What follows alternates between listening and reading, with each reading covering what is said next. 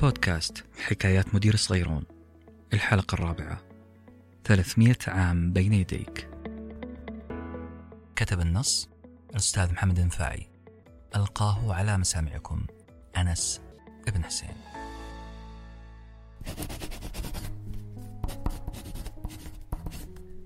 تمتلئ قصص التراث الشعبي في مختلف دول العالم بموقف يتكرر في كل قصة. موقف لبطل شاب يصادف في رحلته شيخ كبير. هذا الشيخ يقطن كهف أو في قمة جبل أو في كوخ على طرف غابة أو في خيمة في بطن الصحراء. هذا الشيخ الكبير يقدم نصيحة للشاب وهذه النصيحة يكون لها فعل السحر لتحقيق أمنيات الشاب أو في تجاوز الصعاب والفوز بالجائزة الكبيرة في نهاية القصة. هذا في الخيال طبعا لكن في الواقع هذا الشيء يؤكد أهمية نصائح الحكماء والكبار أصحاب التجربة. نصائحهم للشباب ليتم تيسير أمورهم الحياتية وتأهيلهم للقادم من الأيام. إحنا في هذا البودكاست راح نختصر لك السنوات ونقرب لك المسافات بأن نسرد لك خلاصة أكثر من 300 عام من الخبرات لأشخاص بل لأبطال خدموا هذا البلد المعطاء. أشخاص من مختلف التخصصات والأدوار عاركوا الحياة العملية حتى وصلوا لمراحل متقدمة فيها. البعض تقاعد حديثا والبعض أكمل أكثر من ثلاثة عقود من الخدمة في مجالهم. هذه الشخصيات استجابت بالرد المختصر.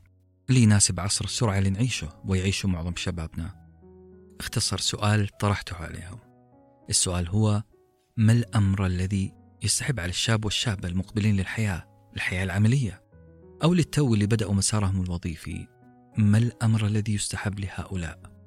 أن يدركونه للحصول على النجاح الوظيفي. بالعربي ما هو سر النجاح الوظيفي؟ هذه التوصية اللي حنسمعها بعد قليل تختصر سنوات من الجهد والهدف منها كشف النقاب عن وصفة النجاح الوظيفي. راح نذكر التوصيات بطريقة مختصرة جدا مشابهة لكتاب إرشادات الحياة القصيرة لجاكسون براون. الكتاب اللي عنوانه Life's Little Instruction Book Simple Wisdom and a Little Humor. For Living a Happy and Rewarding Life. والكاتب زي ما قلنا جاكسون براون. التوصيات والإرشادات تعددت وتشابهت بل وتشابكت. لكن راح نكتفي بذكر أهم 15 توصية منها. رقم واحد. سر النجاح الوظيفي هو في التصدي للمهمات الكبيرة التي يقال عرفا عنها إنها صعبة. إذا عرضت عليك مهمة صعبة اقبلها. وإن لم تعرض عليك فبادر بالحصول عليها. احرص على الإنجاز النوعي وقلل من الكمي لأن التجربة ستسقو لك وتساعدك للمضي قدما. كما قال المتنبي على قدر أهل العزم تأتي العزائم. وتأتي على قدر الكرام المكارم. وتعظم في عين الصغير صغارها. وتصغر في عين العظيم العظائم. النصيحة رقم اثنين خذ زمام المبادرة لتحديد مسارك الوظيفي وأهدافك القريبة والبعيدة. يعني لا تنتظر من الآخرين القيام بهذا الشيء. يقال إن لم تخطط لحياتك فأنت ستكون ضمن مخطط الآخرين وهذا شيء مؤلم.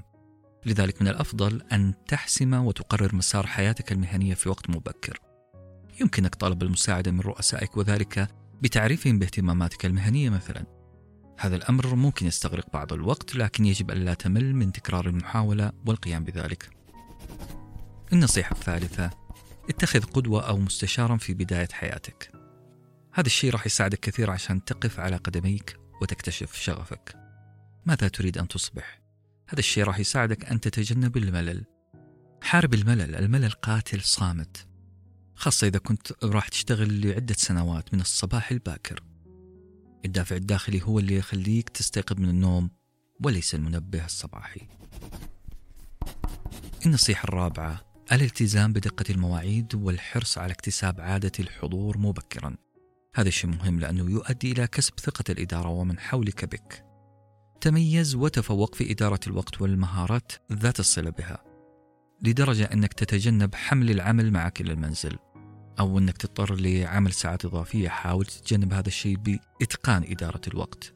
أنت تحتاج إلى القدوم للعمل نشطا لبدء عمل يومي جديد مفعم بالإنتاجية والمرح.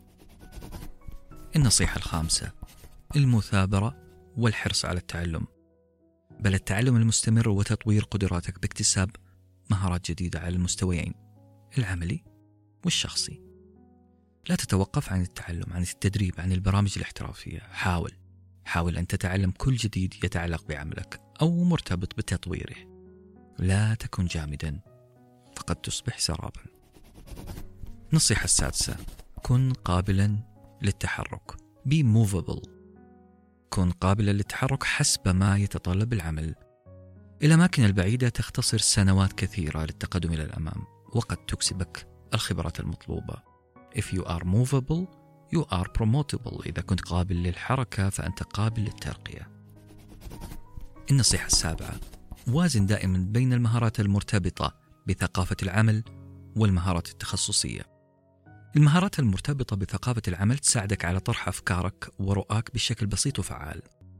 كما تجعلك مقنعا في العمل أما إتقانك للمهارات التخصصية فهي ستضفي على نشاطك الوظيفي الاحترافية المبنية على الأساس العلمي والمهني وازن بين المهارات المرتبطة بثقافة العمل والمهارات التخصصية. النصيحة الثامنة لا تجعل العمل محور حياتك وإنما اجعله الوسيلة لتحقيق طموحاتك. يعني لازم توازن بين حياتك المهنية والشخصية. وهذا برضو معناه أنك تخصص ما يكفي من الوقت لممارسة الرياضة. البقاء في صحة جيدة والبقاء قريبا من عائلتك. خذ في اعتبارك نوعين من أنواع الرياضة. الرياضة الجماعية مثلا زي كرة القدم كرة السلة أو الرياضة الفردية مثل المشي أو الركض أو ركوب الدراجات. استفد من عطلاتك الشخصية القصيرة والطويلة على حد سواء استفد منها تمام الاستفادة. كيف؟ بالذهاب بعيدا عن مكان عملك ولو لفترة قصيرة. تأكد أنك قاعد تفعل شيء مختلف في كل مرة. هنا أنا أنصح بالاطلاع على الفصل الثامن. عن أهمية الحركة خلال اليوم. الفصل الثامن من كتاب يوم من الحياة في جسمك. الكتاب بالإنجليزية هو A Day in Life of Your Body by جينيفر أكرمان النصيحة التاسعة تعرف على ثقافة المنظمة اللي تعمل فيها والأنظمة التي تحكم عملياتها. لأنه هذا الشيء يجعلك مسيطرا على الأعمال المنوطة بك. كذلك راح يخليك صاحب آراء ثاقبة ومرجع للآخرين. اضبط ووجه مهامك وواجباتك العملية مع الاستراتيجية التنظيمية لمؤسستك.